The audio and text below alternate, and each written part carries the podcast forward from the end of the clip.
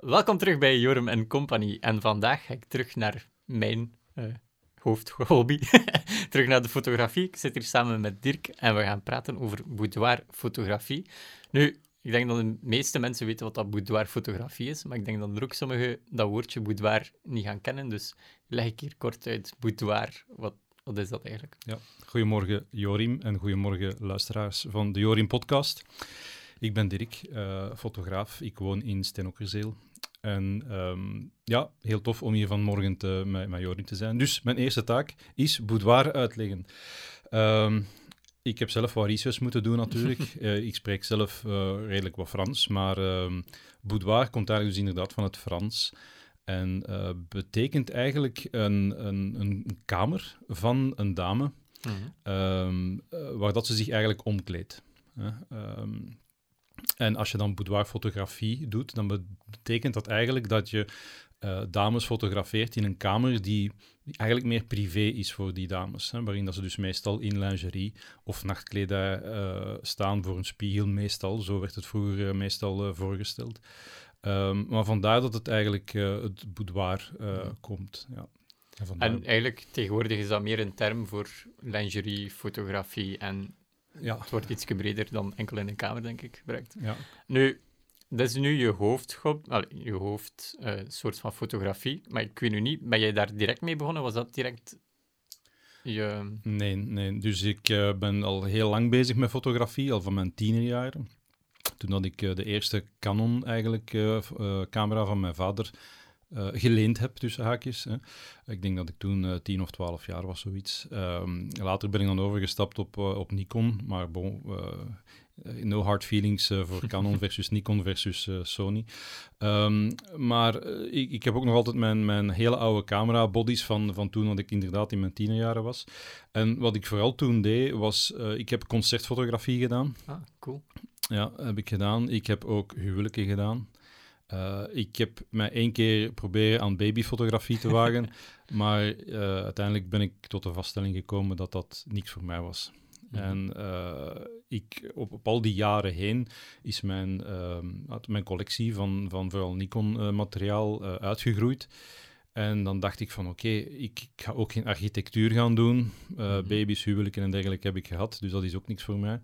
En dan is het eigenlijk via mijn vriendin, haar vriendin gekomen, die is een, een meer een portrait shoot of ook een mm -hmm. soort van meer boudoir shoot wou hebben dat eigenlijk mijn interesse meer gewekt uh, is geworden en ben ik meer in die niche, want het is vandaag nog altijd een, een mhm. niche uiteraard.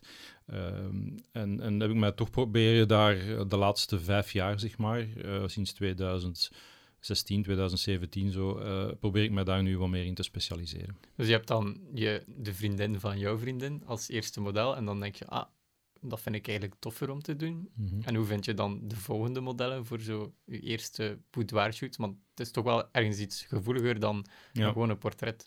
Ja, ja inderdaad. Ik, ik, denk dat het heel belangrijk is, en daar heb ik uh, vijf jaar geleden ook uh, heel hard voor moeten werken eigenlijk. Je moet een soort van vertrouwen mm -hmm. kweken uh, bij de mensen. Um, en uh, in het begin probeer je natuurlijk zelf eerst wat modellen te contacteren. Die je zegt van oké, okay, uh, dat model ziet er goed uit, die heeft wat mooie gezichtsexpressies, die, uh, ik denk wel dat die een meerwaarde kan betekenen voor mijn portfolio. Dus dan ga je daarnaar op zoek. Je contacteert dan ook die mensen via Instagram of via e-mail of via Facebook, whatever. Um, en dan kom je soms van een kale reis terug en dan denk je van, ja nee, dan krijg je gewoon ook een vriendelijk antwoord soms terug van, nee, dat, dit is echt niks voor mij. Dan zeg je van, oké, okay, vriendelijk terug, uh, bedankt. Uh, en dan andere modellen die zeggen van, ja, ik wil dat wel eens proberen. Hm.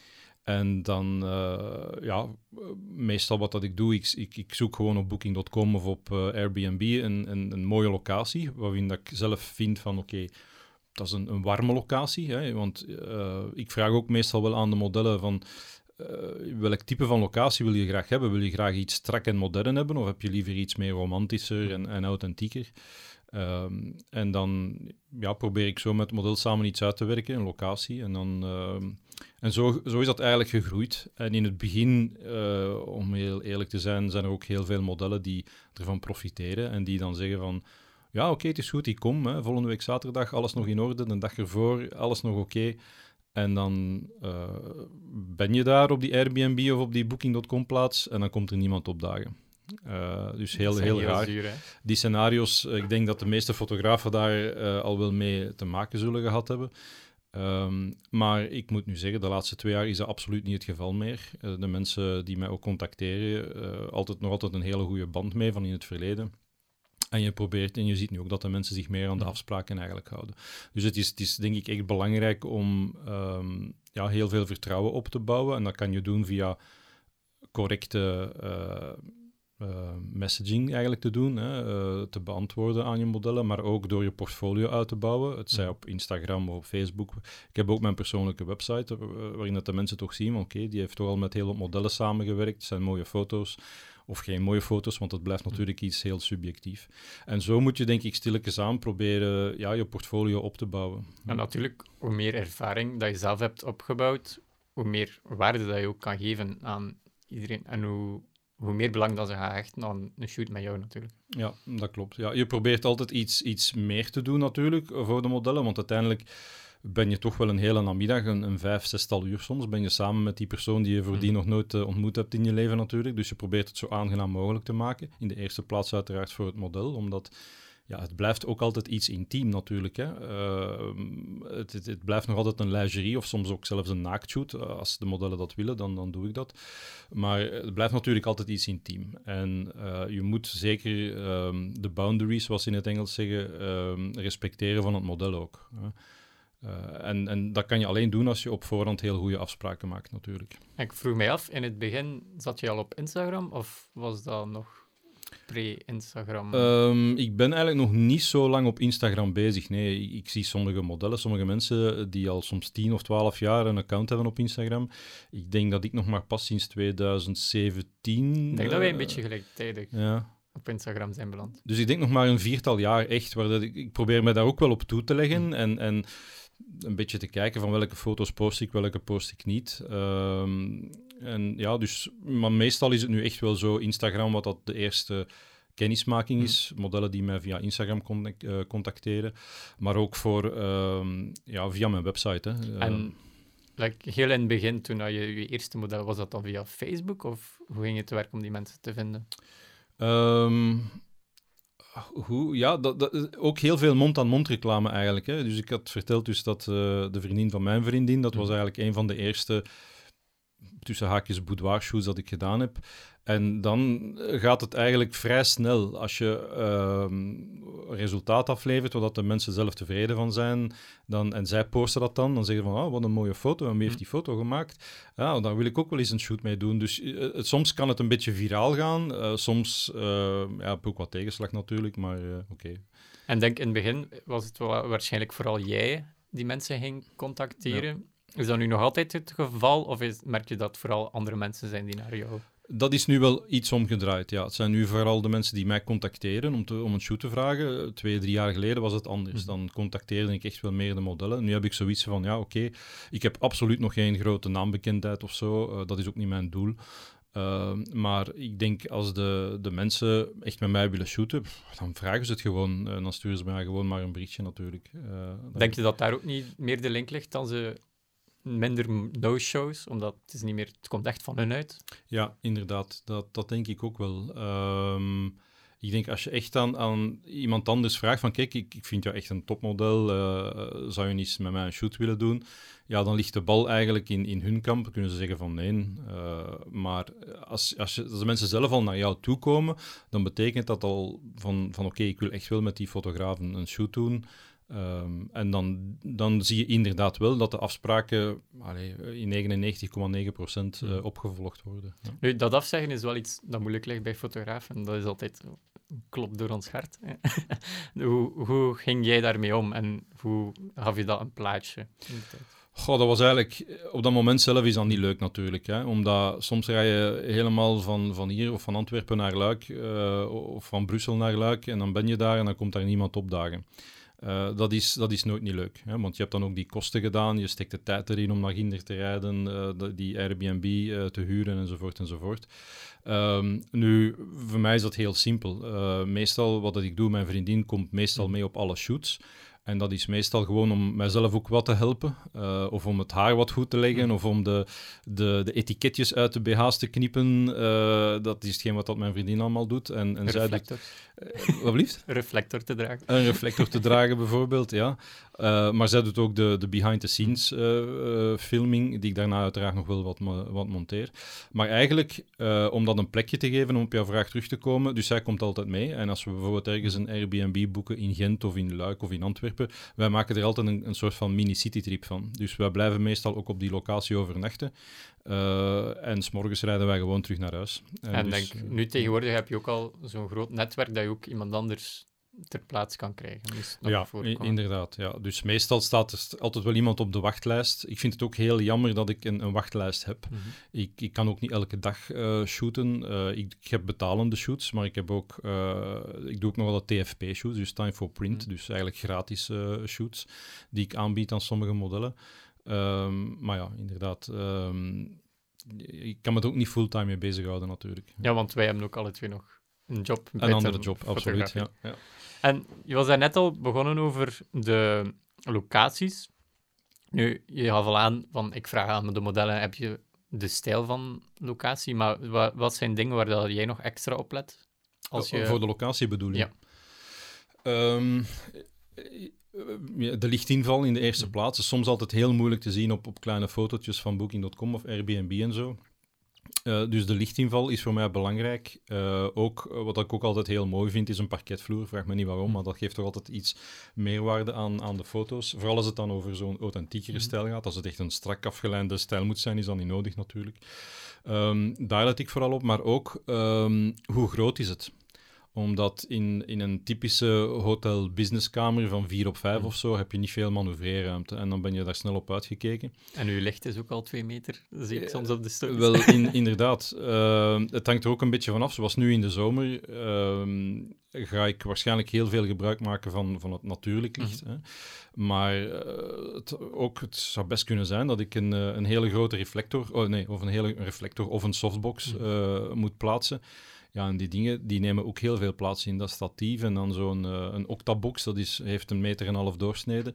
Uh, die flash die erin zit. Uh, dus je hebt al direct wat, wat plaats nodig. En als je daar in een kamer ergens zit van 5 op 4, ja, dan, dan ben je ook snel uitgekeken op de mogelijke poses of op de mogelijke hoeken van waaruit dat je kan fotograf uh, fotograferen. Wat ik ook veel opmerk bij jouw foto's is dat veel wit is ook.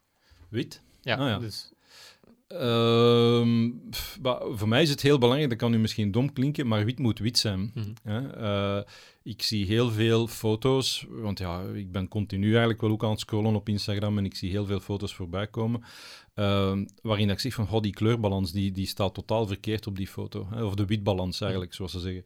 Uh, dan zeg ik van, tegenwoordig met de technologie is het zo simpel om de witbalans heel mooi te zetten. En dat een huidskleur een huidskleur heeft en dat wit, een witte muur ook wit is. Een, witte muur mag niet geel zijn, of mag niet groen, groenzig zijn, of, of meer naar het magento toe. Um, dus Um, ik, ik, denk inderdaad dat dat misschien dan een opmerking is wanneer je zegt van oh, foto's zien er veel wit uit. Maar... Nee, het was meer van in de locaties dat je kiest, ja. let je misschien ook, dacht ik, dat er veel wit, omdat dat ook goed reflecteert. Maar... Nee, nee, niet onmiddellijk. Het is natuurlijk wel, uh, laten we zeggen, mooier dan dat je op een zwarte achtergrond uh, dingen gaat uh, fotograferen.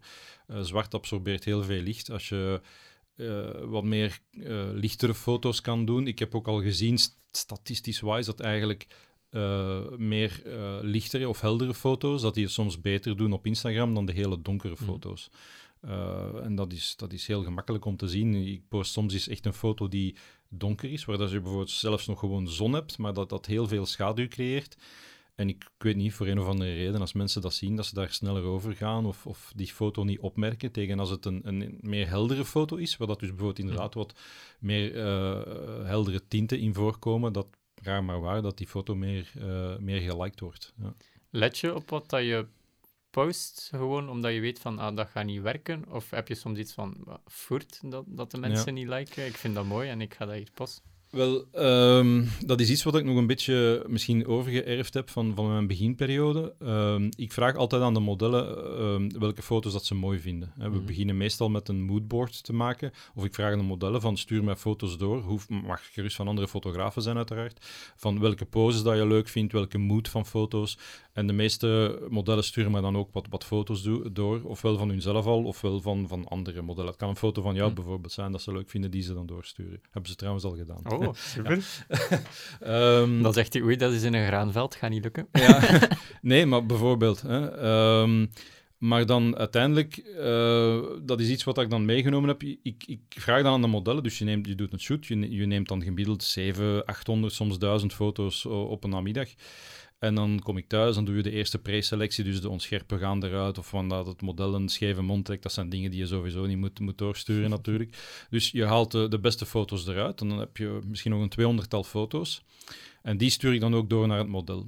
En eh, daaruit kan ze dan kiezen. Ze zegt van, kijk, als het een TFP-shoot is, meestal eh, krijgen ze dan 15 foto's. Dan zeggen ze van, dat nummertje van de foto vind ik leuk en die, daar doe ik dan echt de retouching voor. Maar wat ik dus deed, om dan opnieuw te antwoorden op je vraag, is van, ik postte ook enkel maar die foto's die het model leuk vond. En ehm, dan dacht ik van, oké, ja, maar welke foto's vind ik eigenlijk wel leuk? En dan ben ik eens een vergelijking gaan doen van... Iedereen heeft, het is zeer subjectief en het model ziet zichzelf anders dan dat wij het Mhm. model zien. Of, of jij ziet die foto anders dan dat ik die foto zie. Eh, jij zal details zien dat ik niet zie en omgekeerd. En ehm, ja, ik probeer dan altijd de foto's te posten die het model leuk vindt, maar tegenwoordig doe ik dat niet meer. Dus eh, in het, soms in het TFP-contractje bijvoorbeeld wat ik heb, zeg ik ook van kijk, je krijgt van mij 15 foto's, maar als ik foto 18 ook nog wel leuk vind, dan wil ik die ook nog wel posten. En dan maak ik die gewoon voor mezelf, eh dan retouch vraag ik die dan voor ook mezelf. Toestemming aan hun? Of je- Ja, je- meestal, want die foto's krijgen ze dan ook van mij. Dan zeg ik Hm. van, kijk, ik heb hier nog eens een extra foto geretouched. Die stond niet in jouw top 15. Maar eh, dat is wel een foto die ik leuk vind en die ga ik posten. En tenzij dat ze echt zeggen van, oh nee, nee, absoluut Hm. niet.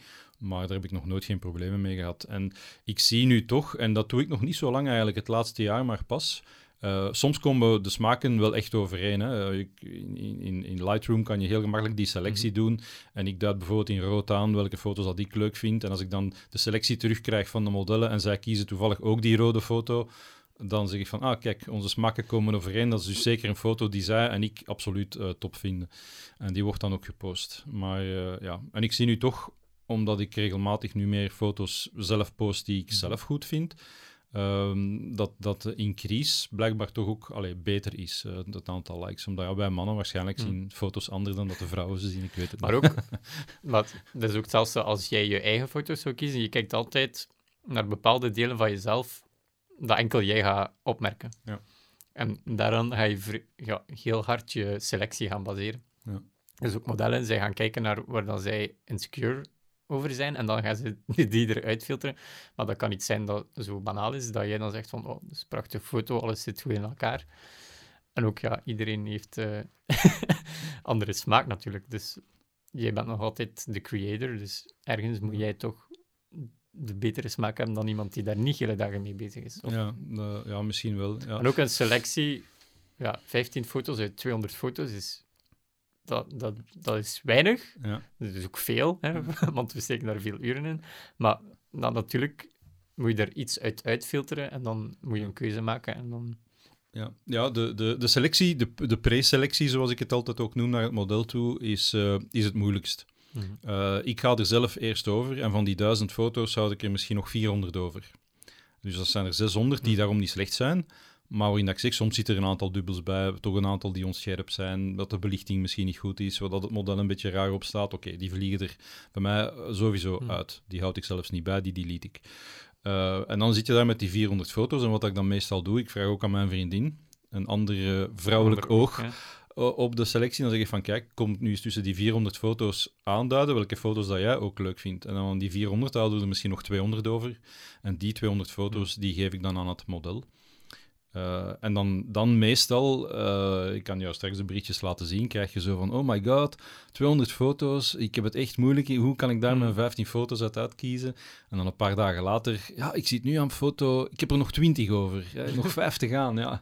Dus, eh, Maar ze vinden dat ook leuk eigenlijk. Ja, natuurlijk, Dus het absoluut. proces ja. dat ze... Ja. En je was net begonnen over de grote licht dat je meepakt. Hoe, waarop let jij als je modellen wil belichten? Wat is er belangrijk voor jou? Um, wel, heel belangrijk is uiteraard het, het, het, het ehm, de sfeer in de eerste mhm. plaats dat je wil creëren. Hè. Wil je een iets duistere uh, sfeer gaan creëren of wil je een heel open, uh, luchtige sfeer gaan creëren? Uh, met belichting kan je zo alle mogelijke kanten uit. Maar wat dat wel belangrijk is, is uh, tenzij dat dat echt de, de, bedoeling is, uiteraard. Je moet geen silhouet gaan fotograferen. Ik zie jammer genoeg ook nog altijd heel veel foto's, uh, tenzij dat het echt de bedoeling is natuurlijk van de fotograaf. Uh, maar ik zie heel veel foto's waar dat het model totaal onderbelicht is. Die, ze plaatsen het model tegen een venster, dan gaan ze fotograferen met, met backlight eigenlijk. En wat zie je dan? Dan zie je een heel helder raam. Hm. En het model is, is, is zwart bijna, of is, is te donker. En uh, als je dan dus niet met, met, een, met een flash uh, of met een reflector eventueel, als je het zonlicht wil weerkaatsen, toch een beetje uh, een betere belichting kan geven aan het model. Ja, dat, dat, in de eerste plaats, je moet het model natuurlijk accentueren en fotograferen en, en niet, niet, de, niet het interieur. Hè. Dus ehm, dat is voor mij belangrijk. Belichting is, is natuurlijk alles, maar ik zeg het, dat is ook heel subjectief. Je kan er alle richtingen mee uit. Ehm, hoe heb je dat zelf aangeleerd? Want dat lijkt mij wel de moeilijkste nog. Um, alles, uh, ja, self-made man, of hoe hm. zeggen ze dat? Uh, ik heb echt heel veel oefenen. Het is heel veel oefenen en uiteraard, ik heb wel wat uh, cursussen zelf meegevolgd. Ehm, ik ben een hele grote fan van het merk uh, Broncolor. Dat is het merk dat ik gebruik voor mijn flashfotografie. Hm. Um, en die hebben wel hele goede video's en workshops dat ze ook regelmatig hier in België organiseren. Dat is een Zwitsers bedrijf. Um, en ja, je ziet die mensen die zijn bezig met hun licht. En, en die zijn uiteraard nog veel meer advanced dan dat ik ben. Uh, maar dan spreken we ook meer over eh, studiofotografie. Mm over het plaatsen van witte en zwarte achtergronden en reflectors en nog een softbox erboven. En uh, vier, lichtfotografie, vier puntslichtfotografie en zo. Uh, dat, dat, dat kan je gewoonweg niet doen als je op verplaatsing bent ergens in een hotelkamer. Mm Meestal gebruik ik twee flashes, twee off-camera flash. Uh, met, met de nodige softboxes of reflectors. Um, maar het is heel veel experimenteren. En um, ja, je, je, moet, je moet de lichten aanpassen. Dat kan je trouwens ook zien af en toe op de behind the scenes, dat ik met die, met die uh, flashes zo wat rondloop en uh, probeer korter of, of uh, ook natuurlijk dat je ze niet, niet in beeld hebt als je een foto trekt. Dus het is heel veel trial and error. ja. En, en met, het, met de tijd ga je uiteraard die kennis opbouwen. Als je zegt van oké, okay, ik weet als ik mijn, mijn uh, softbox uh, van die afmeting op die afstand zet, uh, ga ik ongeveer die schaduw creëren of ga ik ongeveer die hardheid in licht creëren. Als ik die korter zet, dan ga ik dat ongeveer hebben. maar het is zo complex ook soms, omdat je soms natuurlijk licht hebt. soms in de winter, als het om vier uur of om half vijf al donker is, dan moet je niet stoppen met shooten. Dan kan ik nog altijd verder doorgaan met alleen flash. Maar dan creëer je toch ook weer een, een andere, een andere mood soms, een andere sfeer. En wat mij altijd opvalt in jouw foto's, is ze blijven altijd heel stijlvol. En denk voor, als ik dan zo naar andere boudoir, daar ligt soms een beetje de grens van, gaan ze u uh, aannemen als fotograaf of niet? Want dat stijlvol eruit krijgen is normaal eigenlijk de bedoeling van boudoirfotografie. Um, hoe bewaar je zelf zo de grens tussen dit is stijlvol en dit is eigenlijk een beetje trashy en dat, dat gaan we niet doen? Um, ja, moeilijke vraag. Um, in de eerste plaats ligt het ook veel aan het model natuurlijk. Hè. Uh, als het model zelf al aangeeft van kijk, uh, dit wil ik of dit wil ik niet. Um, die, die stijl, um, ja, moeilijk. Maar, um, ik ga het misschien anders nog zeggen, want zelf uw naaktfoto's, die blijven heel stijlvol. Ja.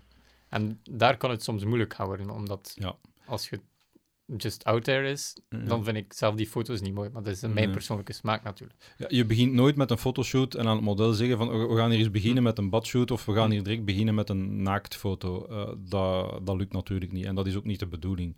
Uh, je moet opnieuw, zoals ik daar straks aangegeven heb, je moet duidelijke afspraken maken met het model. Als ze dat wil, oké, dan kunnen we daar naartoe werken. Maar je begint nooit onmiddellijk met een naaktshoot. Uh, tenzij dat het echt specifiek enkele naaktshoot moet zijn, dat is iets anders dan natuurlijk. Maar als het echt een boudoir-stijl is, dan kan je gaan, dan begin je meestal met, oké, mooie lingerie, Daarna kan je wat overstappen naar half bedekt naakt, of, of wat dat bijvoorbeeld uh, je, ja, een, een, laken of iets mee aan te pas komt, waar dat dan uiteindelijk ja, eventueel full, full naked, naked body eventueel kan gefotografeerd worden. Maar inderdaad, Um, het is op die paar uur dat je samen bent uh, tijdens zo'n shoot, je moet proberen vertrouwen te winnen en het model moet zich goed voelen. En als je, als je dat kan combineren, dan gaat het model dat ook uitstralen. En um, het verschil tussen een trashy en een classy foto. Goh, de, de, de, het is, de grens is moeilijk te bepalen. Hè? Moeilijk te bepalen, maar het is ook een, een, een wereldbreed verschil, omdat je kan een hele trashy foto maken. Dat je zegt van oké, dit is niet goed. Bedoel, mhm. Ik probeer altijd foto's te maken waarin je zegt van kijk, dit kan en dit mag gepubliceerd worden in Flair. Of in een boekje, hè, een mhm. editorial foto zoals ze zeggen. En als je naar die stijl kan proberen te gaan, dan, dan uh, kan het wel best zijn, inderdaad, dat er een naaktfoto in Flair bijvoorbeeld kan, kan gepubliceerd hm. worden. Maar dan moet het classy zijn. Iemand die, die, die een houding heeft, het model die een houding heeft van oké, benen open en uh, ja, dat is sowieso not done. hè? Dat, is, dat is ook geen boudoir. Dan ga je in een totaal andere, een totaal andere reeks van, van fotografie, uiteraard. Want uh, opnieuw, zoals met de intro we gezegd hebben, boudoir is iets intiem. Uh, en moet dat ook op een of andere manier uitstralen. Of dat dan nu uh, lingerie is, of dat is een naaktfoto, op zich uh, maakt dat niet uit. Maar het moet intimiteit en klasse uitstralen. Ja, het mag zeker niet, niet trashy worden. En het leuke wat je zei was de connectie met die model. Want op donderdag run ik meestal een clubhouse room. Nu, ik heb al keer uitgelegd wat dat clubhouse is. En daarom het er deze week ook over van... Ja, um, hoe creëer je eigenlijk je connectie met je model? Wat, wat doe jij zodanig dat ze een op hun gemak gaan voelen? En... Ja, maar in de eerste plaats opnieuw is vanaf dag één, als het model contact met jou zoekt, van jezelf op een degelijke manier voor te mhm. stellen, uh, vertrouwen te winnen door te zeggen van kijk, dit is hoe dat ik werk. Uh, ook altijd vertellen van als ze vragen van mag ik iemand meenemen, staat trouwens ook uitgelegd op mijn website, dan zeg ik ook altijd ja. Hm. Uh, ze mogen altijd iemand meenemen. Ze, ik vertel hen ook altijd dat mijn vriendin er ook altijd bij is om, om, om wat te helpen. En dat helpt absoluut. Ja. Dat helpt absoluut. Dus dat zijn zo de eerste stappen, zelfs voordat je het model gezien hebt, om, om dat vertrouwen uh, te winnen. Uh, en dan in het geval van TFP leg je ook uit van kijk, er is een, een contractje uh, dat eventueel moet ondertekend worden, dit zijn de voorwaarden, ben je daarmee akkoord? daar heb ik ook nog nooit geen probleem mee gehad nu. Ehm, en, en dan uiteraard op de shoot zelf uh, is het altijd leuk als die persoon mm. effectief ook door die deur komt gewandeld. Of, of ergens, als ik die ergens aan een station moet gaan oppikken of zo. Uh, dan uh, probeer je ja, op een normale manier, zoals wij hier vandaag een gesprek mm. hebben, een normaal gesprek te doen met die persoon. Um, en dan... Shoot jij, vanaf dat ze binnenkomt, ga je direct shooten of neem je eerst zo 15 minuten? Ik denk dat je eerst gaat praten met haar, want je hebt dat nu vandaag met mij ook gedaan. Een koffietje gedronken, dus ik denk dat dat ook jouw manier is om te beginnen waarschijnlijk. absoluut, ja. Dus de eerste, de eerste 15 minuten, de eerste half uur... Uh, is dat kennismaking? Is dat iets drinken? Is dat uh, de valies open doen om te kijken welke lingerie, welke schoenen dat ze mee hebben? Uh, moet er misschien nog wat make-up gebeuren of zo? ik vraag hen ook altijd welke muziek vind je leuk. Ik, ik mhm. heb, op Spotify heb ik een aantal playlists gemaakt. Boudoir Lounge, dat is gewoon lounge muziek. Mm. Boudoir Hits, dat zijn de hits van vandaag. Boudoir R&B, is meer R&B-stijl. En ik heb nog uh, Boudoir, nog iets anders. Ik ben het nu al vergeten. Uh, maar ik heb een drie, viertal playlists. Dan zeg ik van, oké, wat is jouw muziek? En dan begin ik al met die muziek op te zetten. Ja, dat is ook heel belangrijk. Dat was ook een van onze... Want ik heb ook nu zo'n boxje aangekocht voor mijn shoots buiten. Dan, dan zeg ik gewoon, hier, dit is mijn boxje, connecteer, speel je muziek af. En dan is dat direct in hun stijl. En dat, Natuurlijk, het, het, helpt zeker. Het helpt zeker. muziek helpt... Meestal pak ik ook altijd iets mee om te drinken. Ik vraag ook altijd uh, ervoor van, wat wil je drinken? Ik zie altijd veel snoepjes bij jou. Snoepjes, Ik krijg altijd honger van je stories. snoepjes en, en, en fruit en zo, ja, dat proberen we ook altijd mee te nemen. Ik vraag ook altijd van, wat, wat drink je graag? En uh, als ze bijvoorbeeld ook aangeven van ik wil zo'n moodvideootje maken, dan pak ik meestal ook altijd een fles champagne mee. Mhm. Dat we ergens in het midden van de shoot dan wel eens open trekken. En ja, meestal is dus de sfeer altijd heel gemoedelijk en, en, en heel leuk. En, uh, ja. Dus fotografen, je hoort gewoon uh, champagne en iedereen zal op zijn gemak zijn. Ja, absoluut, absoluut. Ja. ja. En dan, wat ook moeilijk... Dus meestal als mensen naar mijn Instagram kijken, en ik heb nog een gemixte feed, dus ik heb ook nog een normale portretshoot, dan zeggen ze toch altijd: Oh, al die mooie meisjes zo naakt. En dan zeg ik, maar ik doe ook nog gewone foto's. Maar ik denk bij jou, je hebt zelf niet die onderscheiding. Dus hoe gaan uw familie, kennissen daar eigenlijk mee om met je fotografie? Goh, ja, zoals ik zei in het begin, uh, mijn vriendin heeft dat ook wel eerst wat moeten leren mhm. accepteren natuurlijk. Hè. Het is niet dat hij direct zei van, oh ja, tof, dat gaan we nu eens doen. Dus voor haar was dat ook wel eerst een beetje aanpassen natuurlijk.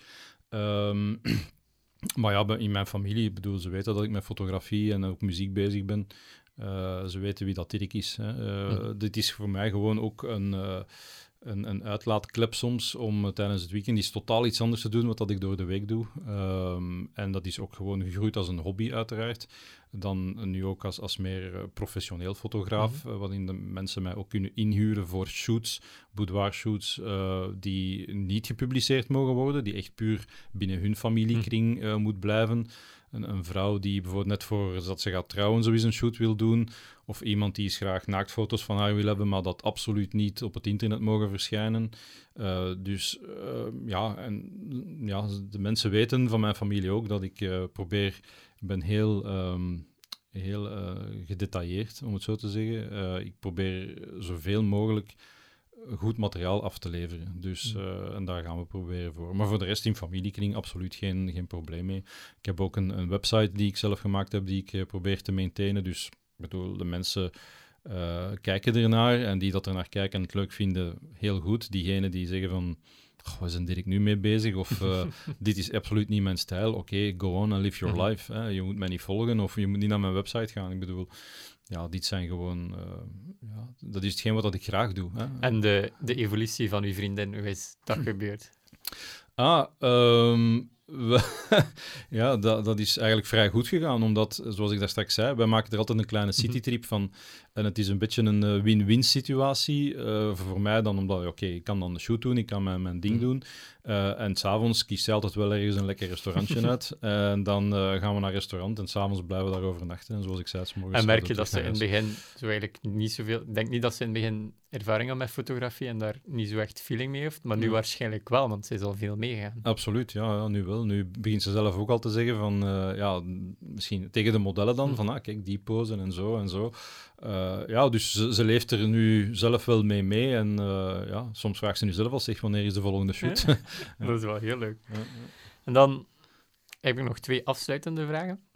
En de eerste is, waar heb je het zelf nu nog altijd moeilijk mee binnen de fotografie of zelf binnen de boudoir-fotografie? Heb je nog dingen dat je zegt van... Uh, wat ik het zelf nog moeilijk mee heb, is de preutsheid van de sociale media. Uh, om, om heel eerlijk te zijn. Uh, als je kijkt naar uh, Instagram, is, is een Amerikaans bedrijf van Facebook. alles moet nog altijd gecensureerd worden. Um, dat vind ik heel erg. Um, natuurlijk, ja, je moet ergens grenzen stellen. Hè. Zoals ik daar straks zei, zo'n trashy foto, daar heeft niemand een boodschap aan. Maar um, ja, eh, het is een beetje een, een schijnheilige situatie vandaag van, de, van die Amerikaanse bedrijven die eigenlijk uh, ja, uh, zo, zo graag willen dat we alles gaan censureren, dat het ook niet meer menselijk is op, op een bepaald niveau. En ehm, ik heb nu onlangs, uh, twee weken terug, heb ik zelf iets mogen meemaken dat ik nog niet had meegemaakt. Ik had ook een account op uh, 500px, 500px, al voor jaren. Ik had zelfs een betaald abonnement, een pro-abonnement. Dan kan je wat meer foto's uploaden en zo. Uh, ik had dat geloof ik al voor vier of vijf jaar, ja, vier jaar, ik denk even lang als Instagram. En twee, twee weken geleden hebben ze mijn account gewoon zonder waarschuwing gecanceld. Wow. Ja, en uh, ik had daar uh, een groter engagement op dan op Instagram, want ik had daar maar een, een 4.000, 5.000 volgers, zoiets. Maar het aantal likes dat je daar krijgt op een foto lag veel hoger dan op Instagram. Dus de engagement rate lag daar, lag daar veel hoger. Maar dan ben ik, um, ja, ik heb er niet van wakker gelegen hoor, maar ik heb wat onderzoek toch gedaan om te zien van, allee, waarom hebben ze nu mijn account zomaar, hè? dan was het gewoon omdat ik blijkbaar een, een, een, een tickbox van not suited for work voor een bepaalde foto waar dat een tepel zichtbaar was, oké, uh, hebben, ze, hebben ze, had ik niet aangetikt en hebben ze dan gewoon maar gans mijn account gedelete.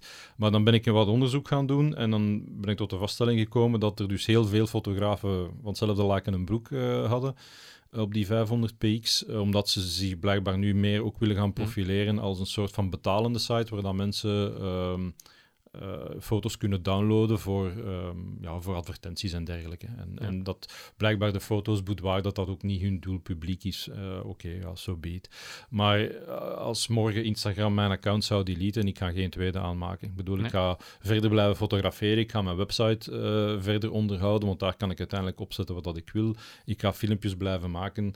Maar daar heb ik het echt wel moeilijk mee. Dat, dat er nog een, een te grote preutsheid bestaat, op, vooral op die sociale media. En merk je dat ook bij de mensen zelf, hier in België bijvoorbeeld? Um, wat ik soms merk, bij mij niet, maar dan de modellen zelf durven veel ook een foto niet plaatsen, omdat de omgeving nog te preuts is. Um, dat hangt er allemaal een beetje vanaf natuurlijk. Hè. Als ze natuurlijk hun familie, als ze heel erg, um, laten we zeggen, als ze heel erg inzitten met hun familie, hm. van oh, als mijn, mijn zus dat gaat zien bijvoorbeeld, ik wil niet dat mijn zus die hm. foto ziet, zelfs niet wat ik soms in lingerie staat, en dan moet ik dan publiekelijk zetten en heel de wereld kan het zien, ja, denk er goed over na. Uh, ik zeg ook meestal uh, tegen de modellen, of dat is iets wat dat ze een beetje zelf moeten uitmaken natuurlijk, hè. als je dat vandaag graag wilt, dan uh, moet je dat zeker doen, een boudoir fotoshoot. Mm -hmm. hè. Uh, en dan moet je, zich, moet je er ook rekening mee houden dat als je die foto plaatst op het internet, dat dat waarschijnlijk eeuwig is. Hè. Die ja. foto, ik kan altijd foto's weghalen van mijn website of deleten van Instagram, maar ik heb geen controle over als die foto ergens uh, op een andere website belandt of die wordt door een van die features accounts geplaatst op Instagram. Daar heb je totaal geen uh, geen invloed op. Dus uh, je moet daar goed over nadenken. Hè. Dus zoals een tattoo zetten, als je die zet, dat is ook voor de rest van je leven. Uh, of zo goed als. Hè. Maar ja, denk toch altijd even na van, wil ik effectief wel een lingerie shoot doen? wil ik ergens een naaktshoot doen? En als dan het model daar heel goed over nagedacht heeft, dan, dan kan je hele mooie foto's en een mooie portfolio creëren voor die persoon. Want dat was ook een van de redenen dat je een contract hebt beginnen gebruiken. Hè? Heb je mij daarnet verteld? Van ja, je moest te veel foto's plots offline halen. En dat is ook niet leuk voor ons, want we hebben onze ja. feed opgebouwd. Dat is, dat is inderdaad iets wat dat. Eh, soms houden de modellen daar ook geen rekening mee, natuurlijk. Hè? Dus je hebt een hele toffe band, je doet een hele toffe shoot. Twee jaar, dus je plaatst die foto's op Instagram, je plaatst die foto's op je website. En dan uh, plots twee jaar later contacteert dat model je terug en dan zeggen van zeg, kan je al mijn foto's deleten? En dan vraag ik, ja, waarom? Ja, dan hoor je dus allerlei soorten redenen. Mm. Hè? Van, uh, uh, ze willen het wegdoen voor mijn werk. Uh, want mijn basis is erachter gekomen. Um, of uh, ja, ik heb een andere vriend en die, uh, die vindt het niet leuk. Of mijn religie, of mijn mm. familie, of het is altijd wel iets natuurlijk. Dus denk daar in de eerste plaats goed over na. wil je dat ook? Daar, daar, daarmee dat ik ook zeg van, kijk, als we overeenkomen in dat TFP-contract, dan mag jij de foto's gebruiken, ik mag de foto's gebruiken. Maar als je het, het, het binnen twee jaar mij contacteert om te zeggen van, haal die foto's weg, dan ga ik dat zeker doen. Maar uh, omdat ik ook met al die GDPR-privacies mhm. en zo, dan, dan, moet je dat, dan moet je die wens ook respecteren. En dan haal ik die foto's ook effectief weg. Maar de clausule die ik nu ingebouwd heb in het contract is gewoon om te zeggen van kijk, dan moet, moet, je, moet er wel een vergoeding zijn. Want dan heb ik daar ook mijn tijd in gestoken. Uh, voor de ontwikkeling, de reistijd. Ik heb daar tijd in gestoken, geld in gestoken voor de Airbnb bijvoorbeeld te mhm. betalen. Dus dat loopt toch heel snel op, uh, zo'n TFP-shoot. Dat kan ja. gemakkelijk ergens tussen de, de 500 en de 1000 euro zijn, zo'n shoot. Als je dat allemaal begint op te tellen, de tijd, dat je de, eh, de tijd en het geld dat je daarin spendeert. En als je dan plots na een half jaar of na een jaar zegt van ja, alle foto's nu weg, ja, wat heb je er dan zelf als fotograaf nog aan overgehouden natuurlijk. Dus daarmee dat ik daar een beetje voorzichtiger mee ben. Ja, ja dus dus heel goed, denk ik, ook voor de mensen die ermee starten. En dan kom ik ook bij mijn laatste vraag, is wat, wat, welke tips heb jij eigenlijk voor mensen die vandaag zouden willen starten met boudoirfotografie? Ja, absoluut doen. Ik bedoel, um, er is niks mooier dan hele mooie foto's te maken van mensen. Uh, daarmee dat ik ook... Uh, foto's nemen van mensen en niet van architectuur of mhm. dergelijke, of van landschappen. Um, het zijn nog altijd hele mooie foto's die je kan creëren samen, van mens tot mens, zeg maar. Bepaalde tips dat ik kan geven naar fotografen. Uh, doe je ding. Uh, doe niet zoals alle anderen. Uh, probeer te gaan voor kwaliteit. Probeer je altijd te mhm. verbeteren. Uh, probeer nieuwe technieken uit in Photoshop. Uh, bekijk hoe je je workflow kan verbeteren. Luister vooral ook naar de raad van andere fotografen, die misschien al iets langer in het vak zitten. Ik heb dat ook moeten doen en ik doe dat vandaag nog. Ik leer ook nog elke dag bij. Ik, ik kijk ook nog altijd YouTube-filmpjes om te mhm. zien van, oké, kan ik hier nog iets bij leren? Een bepaalde nieuwe technieken. Photoshop krijgt ook nog altijd zijn, zijn updates regelmatig, waarin dat het soms gemakkelijker worden is. leer ook niet alleen te werken met natuurlijk licht, dat blijft soms het mooiste natuurlijk, maar soms als fotograaf moet je ook dingen doen als er geen natuurlijk licht is. Of uh, je, zit daar ergens in een hotelkamer met hele kleine venstertjes, ja en nu? probeer uh, probeer uh, flashfotografie te doen, probeer daarmee te experimenteren. Leg het ook uit aan het model om te zeggen van kijk, ik mhm. ben nog maar net bezig. probeer dan ook eerst met, met je buurmeisje, mijn manier van spreken, hè, of iemand die, die misschien ook eens de eerste stappen daarin zet. Ga niet direct met een professioneel model, want dan, ja, dat is ook niet goed. Maar anderzijds kan ik ook wel aanraden om toch eens een shoot met een professioneel model te boeken. Ja. Omdat die kunnen jou ook heel veel tips geven. En uh, die mensen, die professionele modellen, er zijn er genoeg die de hele wereld afreizen. Die moet je uiteraard dan wel betalen. Maar daar kan je ook heel veel van leren. Daar ga je ook automatisch soms mooiere foto's mee, mee maken omdat uh, die kunnen ook echt poseren tegen iemand die is occasioneel een keer in lingerie voor je lens wil komen staan, die misschien niet veel... Uh, die ga je meer moeten dirigeren hè, naar, naar een bepaalde richting toe. En daar is absoluut niks fout mee. Maar met professionele modellen, dat is ook hun job. Die doen dat elke dag, dus die weten ook... Uh, ja. ja, en het voordeel daarvan ook is dat... dus met een gewoon meisje, ik ga ze nu gewoon een meisje noemen, uh, like dat je zegt, je moet ze dirigeren, maar dan stik je ook daar de meeste tijd van je shoot in. Ja. Terwijl als je dan een meisje hebt met die al meer ervaring heeft uh, met poseren en zo, dan kun je echt gaan focussen op hoe dat je camera werkt, hoe dat de lichten werken, en dan kun je echt gaan focussen op je foto, wat dat ja. voor u meer leerrijk kan zijn in het begin. Maar natuurlijk, ja, uh, je mag ook niet verwachten dat je direct met uh, een Victoria's Secret model gaat kunnen shooten in het begin. Het is een beetje, ja, je bouwt je portfolio op en je bouwt ook ergens je kwaliteit van modellen op. Absoluut. Ook al zeg ik dan niet graag kwaliteit van modellen, want iedereen heeft natuurlijk zijn ja. schoonheid. Ja, ja, absoluut. Iedereen is mooi op zijn eigen, op zijn eigen manier, absoluut. Ja. Oké, super bedankt om hier eh, vandaag een bolletje met mij te maken. Stel dat mensen een keer jouw werk willen zien of jou zelf willen boeken, waar kunnen ze je vinden? Uh, wel op de meeste sociale uh, kanalen dan. Op, um, op Instagram, dirkchristiaans.photography. Um, je kan mij uiteraard ook terugvinden op mijn website, ook www.dirkchristiaans.photography. En op Facebook. Niet.be, nee. Eh, ik heb specifiek, eh, omdat directchristians.be was trouwens al uh, bezet ja. door iemand anders. Maar uh, nee, ik heb echt de dot photography domeinnaam wow. eigenlijk aangevraagd. Dus, ja. En ik, ik bouw mijn website zelf, dus dat mag ik ook opzetten en mm -hmm. doen wat dat ik wil. En ook op YouTube post ik nu mijn video's. Ik heb ook een Vimeo-kanaal, maar daar post ik enkel de, de mood-video's mm -hmm. En op uh, YouTube post ik zowel de mood-video's als de behind-the-scenes. En misschien in de toekomst, misschien zelf ooit eens een, een soort van cursus of zo. Dus, uh. Super, kijk daar al naar uit. Hartelijk bedankt en uh, voor iedereen die luistert, tot de volgende. Dankjewel, Jorim.